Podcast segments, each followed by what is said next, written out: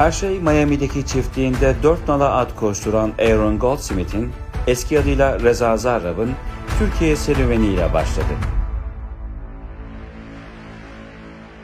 Anlamıyorsun gönül derdinden Nedensin isyanıma neden Önce yazdığı şarkılar dillere pelesenk oldu. Şimdi eski toprak Şarkılarındaki gibi aşk, ihanet ve entrika dolu bir hayatı vardı. 20'li yaşlardaki Zarrab, önce Azeri şarkıcı Günel Zeynalova'nın, sonra da Ebru Gündeş'in kalbine girdi pahalı hediyelerle. Ben ayrılmamışam sen. Mən səndən ayrılmışam. Ba- Bağışlanmayasan. Rıza, mən səndən 30-u 11-ci ay 2008 ilində ayrılmışam.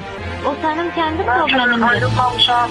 Ben- Bir əlində bir əlində iki qarpız tutmağa çalışırsan. Yalan seni sevirəm. 35 yaşında arvadla böyle bir ilişkim olabilir. Bunu qarşındakı insana demirsən? Rıza, mən mən iki sənin telefonunda ona yazdığım bütün mesajları oxumusan. Beyaz atlı prens İran Tebriz'de doğmuş, sonra Türkiye'ye gelmişti.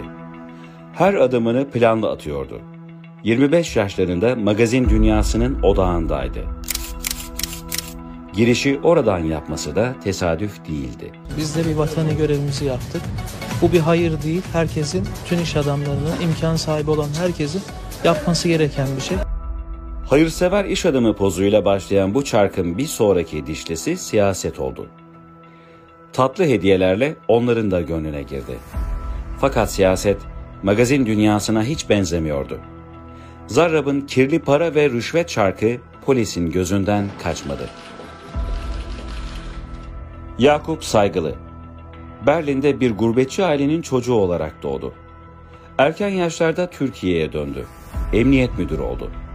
Sade ve sıradan hayatını bozansa mesleğiydi. İstanbul Mali Suçlarla Mücadele Şubesi'nin müdürüydü. Polis hırsız kovalamacasına alışkındı.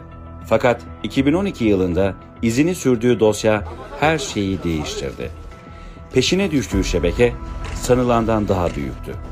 Böyle olunca hırsızlar değil polisler hapse atıldı. Hiçbir yere kaçmıyoruz. Hepimiz buradayız. İfademize başvuracaksanız çağırın gelelim. Yok ikametlerimizi arayacaksanız ikametimizde bekliyoruz. Buyurun gelin. Hiç kimse hiçbir yere gitmiyor. Çünkü veremeyecek hiçbir hesabımız yok. Biz adli kolluk görevlileri olarak çalıştık. Bu şu demektir. Yapılan her operasyon, her dinleme, her izleme, fezlekeye geçirilen her bir harf Cumhuriyet Başsavcının emriyle yerine getirilmiştir. Peki ne oldu da polis hırsız kovalamacasında roller tersine döndü? Polis hapse, hırsız Miami'ye gitti. Sorunun cevabı 8 yıl önce bir baba ve oğul arasında geçen telefon konuşmasında. Başka bir şey var mı? Tamamıyla sıfırlamanızda fayda var. Evet. Tamam. Tamamıyla sıfırlayacağız inşallah. Sıfırlamadık henüz borcum şöyle ki eee, bir 30 30 milyon avro gibi bir miktar daha var. Şey yapamadık, eritemedik henüz. Bir numaralı aktör Recep Tayyip Erdoğan'dı. Çünkü bir e, rüşvet çarkı, bir e, yolsuzluk çarkı kurmuştu. E, ihalelerden edindiği e, yüzdelerle, komisyonlarla e, yüksek miktarda paraya sahip olmuştu. Çarklar var aslında tek bir çark yok. Herkesin kurduğu bir çark var. Ama bütün çarkların çıktığı tek bir adres var. O da Recep Tayyip Erdoğan, e, dönemin başbakanı. Arada e, ismi geçenler, bu belgeselde konuşacağımız birçok insan buradan komisyon alan, e, nemalanan insanlar. Ama esas e, çark ve e, kaynağı Recep Tayyip Erdoğan. sistem deşifre oldu. Sadece bireysel ya da sadece tekil bir yolsuzluk hadisesi değil. Erdoğan'ın kurduğu çark ortaya çıkmıştı. Bu açıdan çok kritikti. Erdoğan da bunu bildiği için yargıya darbe yaptı, Türkiye'de darbe yaptı, hakimi savcıyı tutuklattı ve operasyonu engelledi. Bu aslında Türkiye'de anayasanın iptal edildiği, anayasanın askıya alındığı tarih demek. 17-25 Aralık 2013. Mesut Yılmaz, İstanbul Emniyet İstihbarat Şube Müdürü Yardımcısı. Yolsuzluk soruşturmasının dosyasını ilk o açtı. Rıza Zarrab'la ilgili her yerde elinde çantayla para gezdiren bir adam var. Bununla alakalı neden bakmıyorsunuz diye çeşitli ihbarlar geliyordu. Biz bunları toparladık. Hatta dinledik Rıza Zarrab'ı etrafını. Dinledikten ve toparladıktan sonra bunları bir resmi yazıya çevirdik ve mali şubeye bununla alakalı bilgileri ilettik. Polis şebekeyi onlar da polisi takip ediyordu. Devreye İçişleri Bakanı Muammer Güler girdi. Sonrasında Muammer Güler fotoğraflar gönderdi. Rıza Zarrab fotoğraflar çekmiş beni takip ediyorlar diye. O takip ettikleri fotoğrafı bizim bizim şube müdürüne gönderiyor. Daire başkanı üzerinden. O yani evlat acısı gibi bende duruyor. Ben anladım o kadar. işi. Sen merak etme. Ben pezevenge onun, onun sana yaptığı çektirdiğini ben onunla kat kat burnundan pis bir pitir getiririm o it oğlu için. Hikayenin kırılma noktası da o günlerde yaşandı. İstihbarat dairesindeki memurlar gezi olayları bahane edilerek tayin edildi. Sadece bir isim yerinde kaldı. Hem de başbakanın tasarrufuyla. Siz bir mektup yazar mısınız Tayyip Erdoğan'a diye bana haber gönderdi. Ben de Tayyip Erdoğan'a bir mektup yazdım. Dedim ki benim çocuğumun eğitim durumu var. Bir sene daha bekleyeyim, seneye gideyim. Ben bir mektupla çocuğumun durumunu anlatarak Tayyip Erdoğan üzerinden tayinimi durdurdum. Bu arada 17-25 operasyonlarla alakalı malum şubede çalışmalar devam ediyor. Ben tayinim durunca Tayyip Erdoğan'dan dolayı bu bana bağlı olan yani malum şubeye yazdığımız yazıyla ilgili kısım bana bağlı. Bunu benden almadılar. Süreç benim üzerinden yürümeye devam etti. Mali şube polisleri baskılara rağmen paranın izini sürdü. Milli İstihbarat Teşkilatı da Erdoğan'ı yaklaşan operasyon için uyardı. Takip dosyasında bütün ipuçları birbirine bağlandığındaysa ortaya milyarlarca dolarlık yolsuzluk çarkı çıktı. İlk bakışta olay Amerika Birleşik Devletleri'nin İran ambargosunun delinmesi ve Zarrab'ın rüşvet ağı gibi görünse de dosyadaki gerçek halkın milyarlarca dolarının nasıl çalındığını belgeliyordu. Ambargoyu peki nasıl deliyorlar? İşte İran'a mal satmış gibi göstererek e, işte sahte faturalar, işte Çikinova dediği, Reza'nın Amerika'da tahtaya çizerek anlattığı birçok yöntemlerle bu parayı bir şekilde İran'a cash olarak ve altın olarak yolluyorlar. İşte dediğimiz gibi mesela buğday satılmış gibi fatura getiriyor Reza ve şirketi. E, Halk Banka'dan parayı alıyor, kendi komisyonunu alıyor, Türkiye'deki yetkililere rüşvetini veriyor. Cash'te yukarı dediğimiz bir numaraya kadar rüşvetini verip kalan parayı İran'a yolluyor. Kağıt para ve altın olarak gönderiyorlar. Dubai üzerinden çok çalışıklığını görüyoruz. Bu şekilde ambargo ediliyorlar. Peki kim kaybetti?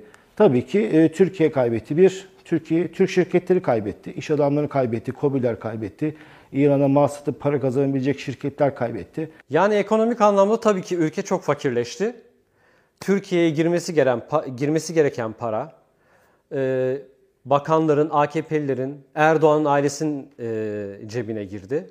Çiftçinin gıda satışı yaparak ya da ilaç e, satışı yaparak e, temel ihtiyaç e, ürünlerini İran'a satarak para kazanması gereken esnaf bunu kazanamamış oldu. Fransa ne yaptı? Aynı durumdaki ambargoda e, ambargo e, devam ederken şöyle bir imkan sağlanmıştı bazı ülkelere. İran'dan tamam doğal gaz satın alabilirsiniz, petrol satın alabilirsiniz ama karşılığında para değil nakit para vermeyin. Bunun yerine temel ihtiyaç ürünlerini, gıda ve ilaç ürünlerini satın demişlerdi. E, Amerika'nın e, koyduğu bir ambargoydu bu. Fransa bunu çok iyi değerlendirdi, ekonomisine çok büyük katkı sağladı ama Türkiye e, dediğim gibi fakirleşmeye devam etti. 26-27 yaşındayken bütün Türkiye Cumhuriyeti hükümetini kendine bağlayan, önüne yatıran çünkü Muammer Güler o dönem İçişleri Bakanı tabiriyle önüne yatıran bir isim. Rüşvete boğuyor, satın alamayacağı hiç kimse yok. Literatürü değiştiriyor adam. Çigunova diye bir kavram oturuyor. Sahte evraklarla Türkiye'nin Halk Bankası'nı kevgire çeviriyor.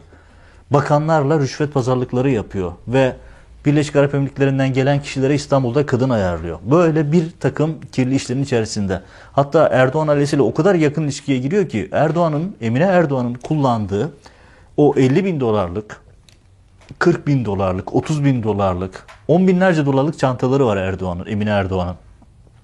Hermes'inden ve diğerlerinden. O çantaları veren de aslında Reza Zarrab. Reza Zarrab, Egemen Bağış üzerinden vatandaşlık ver, vize işlerini yaptırıyor, kutuların içerisinde paralar var vesaire. Yani düşünün 26-27 yaşında birisi geliyor ve bütün Türkiye Cumhuriyeti hükümetini önüne yatırıyor. Türkiye'deki bütün hukuk sistemini alt üst ediyor. Emniyeti, yargıyı ayaklar altına alıyor. Ve o kadar pervasızlaşıyor ki sahte evraklar üretmek için İstanbul Kapalı Çarşı'da kendine bir ofis yapıyor. Sahte evrak üretmek için. Sahte evraklarla Türkiye Cumhuriyeti'ni alt üst ediyor. Çark'ın ilk dişlisine 17 Aralık 2013'te savcının talimatıyla operasyon yapıldı. Ayakkabı kutularında, bavullarda, depolarda saklanan milyonlarca dolar kirli para ele geçirildi. Ancak iktidar soruşturmanın önünü kesti. Siyasallaştırdı ve örtbas etmeye kalkıştı. 17 operasyonundan sonra görevden savcısı alındı. Ekrem Aydiner yerine atandı.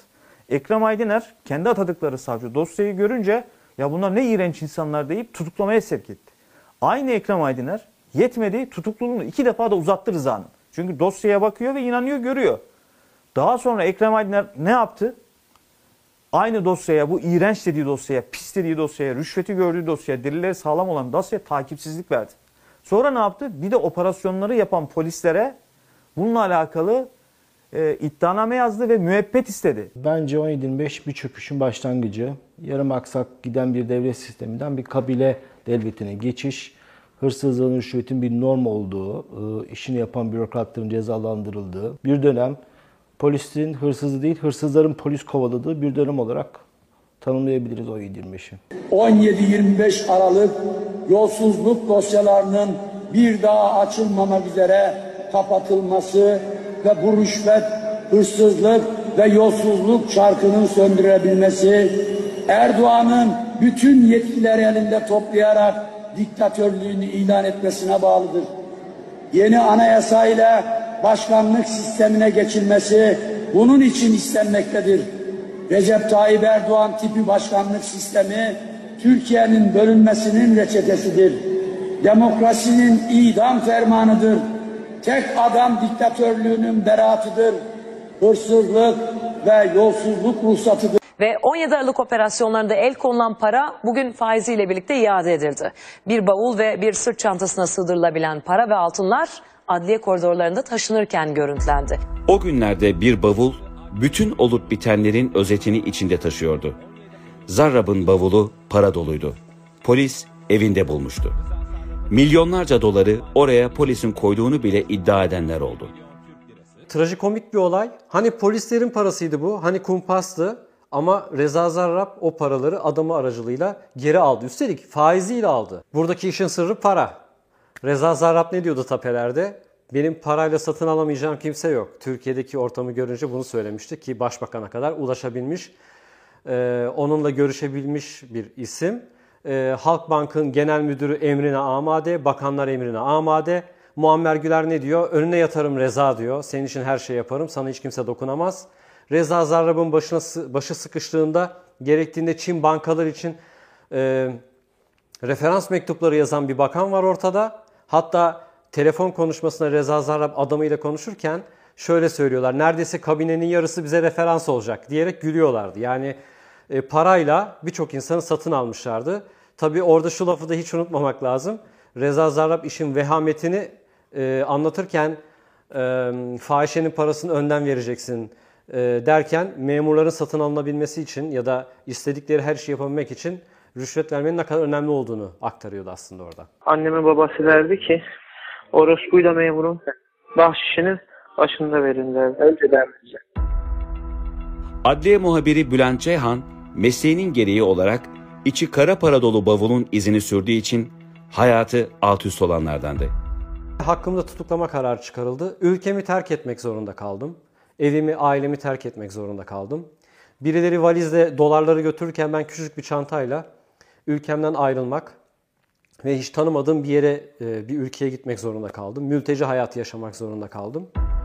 17 Aralık operasyonunun üzerini kapatmaya çalışan, polisleri, hakimleri görevden alan Erdoğan, 25 Aralık 2013'te bir başka soruşturma dosyasının kapağının açılmasına fırsat vermeden kapattı. Yani bize diyorlardı ki sen sıradan insanlarla uğraşabilirsin. Sıradan hırsızlarla, dolandırıcılarla, canilerle ne bileyim ee,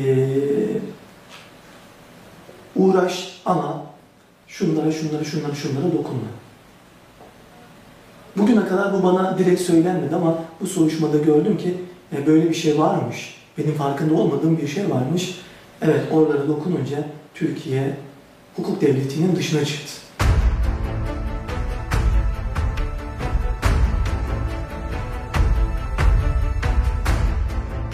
Erdoğan anayasayı askıya aldı. Yargıyı, emniyeti dağıttı. Bu panik halinin sebebi savcı Muammer Akkaş'ın hazırladığı soruşturma dosyasındaki belgelerdi. Bu dosya imar yolsuzlukları ve iktidar eliyle oluşturulan daha büyük bir çeteyi gözler önüne seriyor, uluslararası arenada terörü finanse etme iddiasıyla aranan isimlerle rüşvet pazarlıklarını içeriyordu. Etiler Polis Okulu arazisine Yasin Alkadı ve e, ekibi göz koyuyorlar. Daha doğrusu Bilal Erdoğan bunları o araziyi öneriyor. Önerdikten sonra Bosporus 360 diye bir şirket kuruyorlar. Bu şirket bu araziyi alıp e, Etiler Polis Okulu'nu bilinmeyen bir yere sürmek istiyor ve araziye konmak istiyor. Fakat bu arazi normal şartlarda hazineye ait bir arazi olduğu için ihaleye çıktığı zaman milyarlarca dolar değerinde, birkaç milyar dolar değerinde olan bir arazi olacak. Bunlar diyorlar ki biz öyle bir düzene kuralım ki burada bu arazi ihaleye çıkmadan biz alalım diyorlar. Ve rant işte burada başlıyor. Şimdi burada kurdukları düzenek şöyle. Önce bu araziyi depreme dayanıklı bir arazi olduğu halde araziyi deprem bölgesine sokuyorlar. Deprem bölgesine soktukları andan itibaren Boğaziçi yasası bypass oluyor. Kentsel dönüşüm yasası devreye giriyor ve Çevre Şehircilik Bakanlığı orada artık tek yetkili oluyor. Çevre Şehircilik Bakanlığı o araziyi istediği kişiye satabilir, istediği kişinin projesini onaylayabilir, istediği projeyi onaylayabilir, istediği her şeyi yapabilir. Böyle bir yasa çıkarmışlardı. Bu yasayı da AKP çıkarmıştı bu kentsel dönüşüm yasası döneminde. Araziyi deprem alanına soktukları andan itibaren artık ihalesiz satılabilir hale geliyor ve tabii ki bu ihalesiz olarak Çevre Şehircilik Bakanlığı bu araziyi kime verecek? Bosporus 360'a verecek. Ne kadara veriyor? 430 milyon liraya veriyor. Milyarlarca dolar yapacak bu arazi. İşte bu fiyat farkından rant dediğimiz şey patlıyor. If you, if you like, we can uh, I can introduce you. We can give you some reference to a local Istanbul-based architecture firm. They are working with us on this project in Kartal. İmar planlarının büyük bir bölümü Sayın Başbakan'ın talimatıyla yapılmıştır. Bir havuz oluşturulmuştu aynı zamanda. Ee, bu havuzda elde edilen paralarla Sabah ATV grubu satın alındı. Ee, bu e, ihaleye katılan, daha doğrusu bu havuza katılan bütün iş adamlarına da daha sonra devletin en önemli ihaleleri verildi. Bu ihaleler verilirken yine komisyonlar elde edildi ve o komisyonlar Tayyip Erdoğan'ın ailesi tarafından, yakınları tarafından ve bakanlar tarafından paylaşıldı. Size ne, söz, ne söz verdiyse onu getirecekse getirsin, getirmeyecekse gerek yok. Tamam. Başkaları getiriyordu, o niye getirdi? Laf mı ya? Hiç. Bunlar ne zannediyor bu işi ya? Şimdi düşüyorlar. Kucağımıza düşecek. Merak etme. Perde önünde dini bütün örnek bir siyasetçi edasında, profilinde gözüken, öyle davranan Erdoğan perdenin arkasında oğluyla kızıyla para sıfırlama pazarlığı yapıyor, iş adamlarını haraca bağlıyor. Hatta vermeyen iş adamlarını kucağa oturmaktan ya da işte ileri yaştaki insanları bile telefonda ağlatmaktan geri durmayan bir Erdoğan'la karşılaşıyoruz. Bütün ihaleler Beşi çeteye veriliyor falan. O dönem o çetenin röntgeni çekilmişti 25 Haziran'da dosyasında. O dönem siz bu dosyaya eğilip üstünde dursaydınız, o dosyaya sahip çıksaydınız bu beşli çetenin ondan sonra yediği milyonlarca doların hesabını sorma şansınız olur ve bunları engelleyebilirdiniz. Şimdi engelleyemediniz ve milyonlarca dolar parası gitti ülkenin. Erdoğan ailesi panikteydi. Evlerindeki milyonlarca dolar kara parayı başka adreslere taşıdı, aklamaya çalıştı. O paraların nasıl transfer edildiği hem telefon konuşmalarına hem de belgelere yansıdı. Evden para çıkarma yöntemleri arasında müzikli bir formül de vardı. Müzik kutularının bulunduğu çok büyük konteynerlar var ve bu konteynerların içi paralarla doldurularak Haliç Kongre Merkezi'ne götürüldü. Tayyip Erdoğan evden e, birçok parayı e, bu şekilde çıkarttırarak e, Haliç Kongre Merkezi'ne saklanmasını sağladı.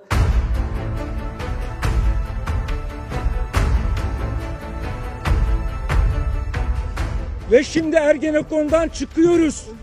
Erdoğan çıkış yolunu Silivri'de buldu. Bir zamanlar şahsının desteklediği operasyonlarda hapse giren isimlerle anlaştı. Bu isimler ülkede Gladio'nun derin çetelerin temsilcileri olarak biliniyordu. Onlar Erdoğan'ın talimatıyla hapisten çıkarken içeriye polisler atıldı. Polisim ben polis, hırsız, terörist gördün mü? Bulur, yakalar. Savcı olarak ben bunu yapmam gerekiyordu. Yani bir polise diyemezsiniz. Yani sen hırsızı yakalama. Hırsız istediği gibi hırs çalsın, çırpsın diyemezsin. Ya da bir doktora yani sen acile gelmiş olan bir hastaya müdahale etme bu senin görevin diyemezsin. Ya onlar o görevlerini nasıl yapmaları gerekiyorsa ben de bir savcı olarak da suçları takip etmem gerekirdi. Temel motivasyonumuz devletin namusunu kurtarmaktı. Temel motivasyonun altını çiziyorum. Şimdi diyorlar ya nerede savcılar, nerede hakimler, nerede polisler. O zaman bunlar varken sahip çıkacaktınız. Bu devletin namusunu kurtaran insanlara. Biz o zaman dik durduk. Neden? Görevimizin gereği dik durmaktı zaten. Şimdikilerin duramaması nedeni görevinin gereğini yerine getirememeleri. O dönem onlara sahip çıkılsaydı çok basit bir şey söyleyeyim. Bu dönem Sedat Peker'in ifşaları dahil birçok şeye karşı savcılar ve polisler bulunabilirdi.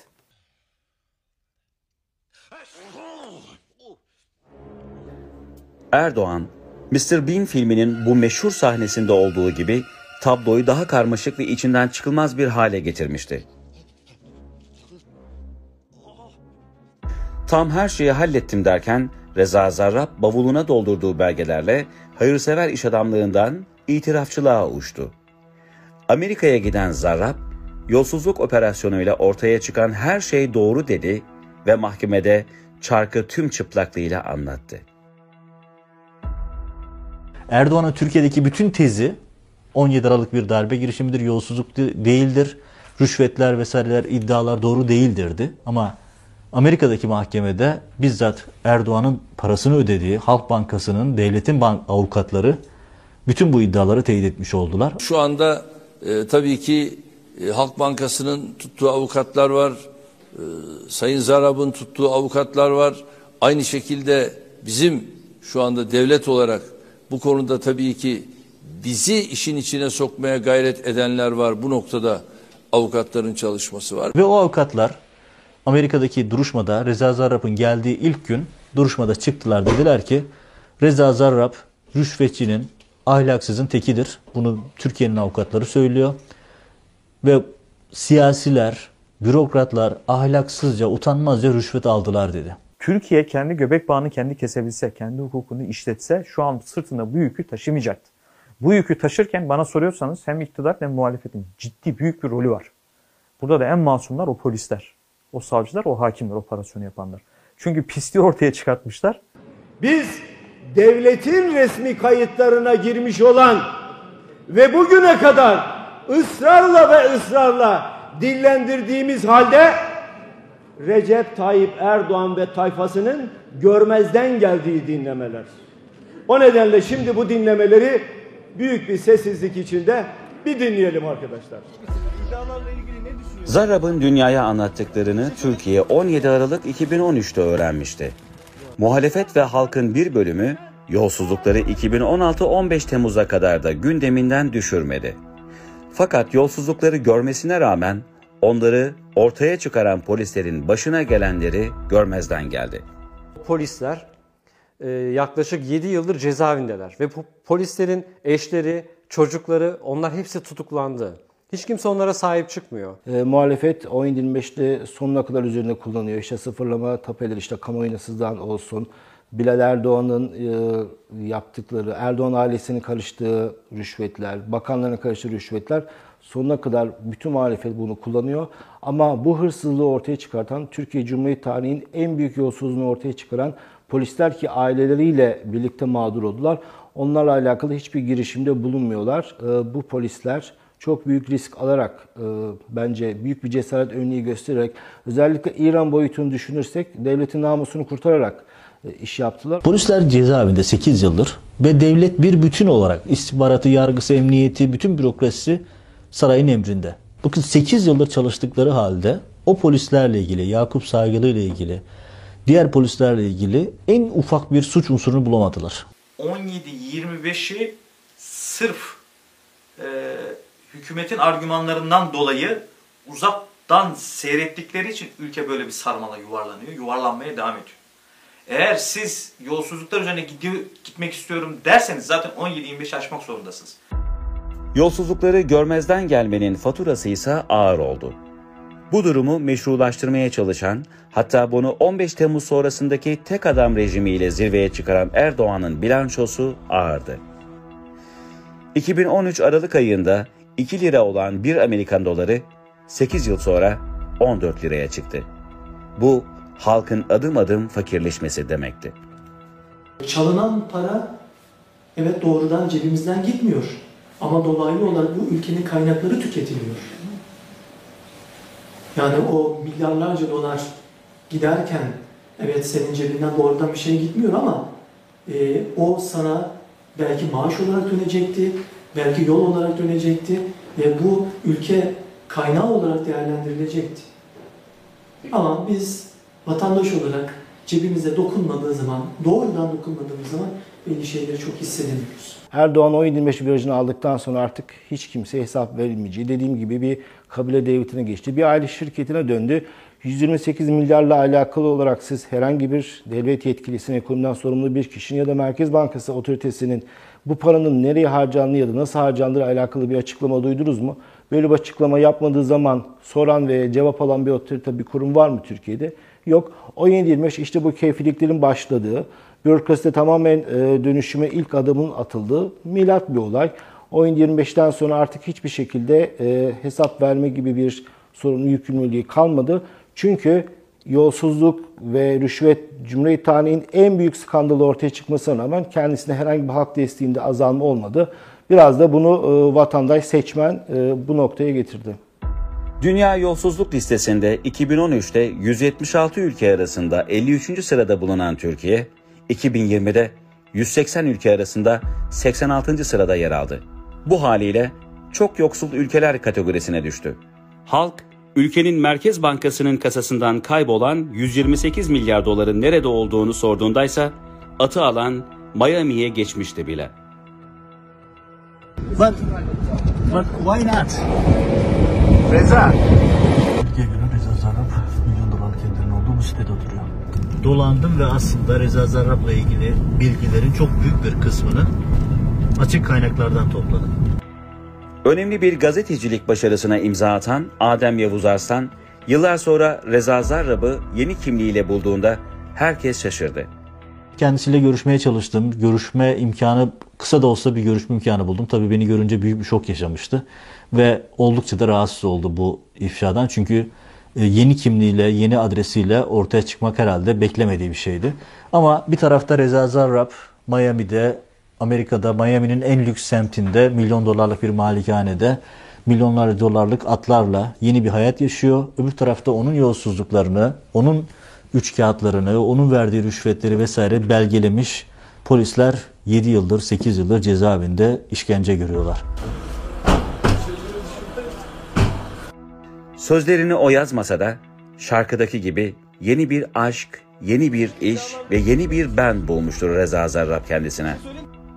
Ancak Türkiye'de ise pek değişen bir şey yoktu.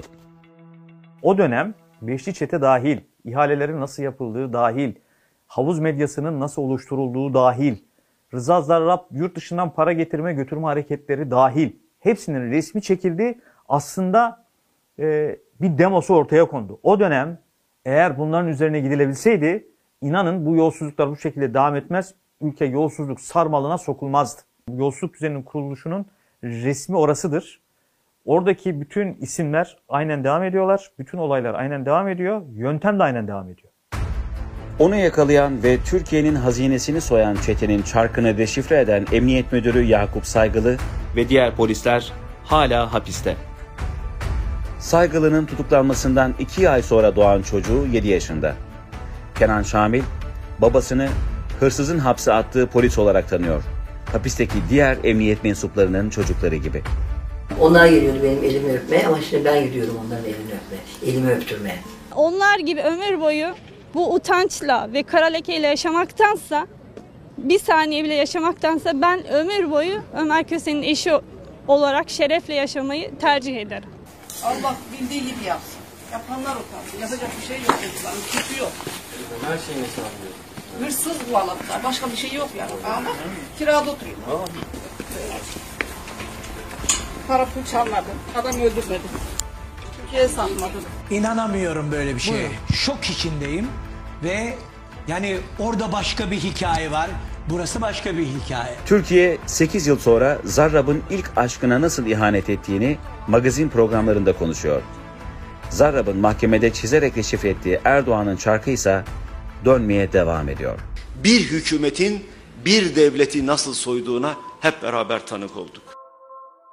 Yolsuzluk çarkının ağır faturasıyla yüzleşen Türkiye'de herkes biliyor ki hala çalınan paralar bazı evlerde ayakkabı kutularında saklanıyor. Yolsuzluk mu var? Hırsızlık mı var? Bin bir çeşit yalan dolan dört bir yandalar. Yolsuzluk mu var?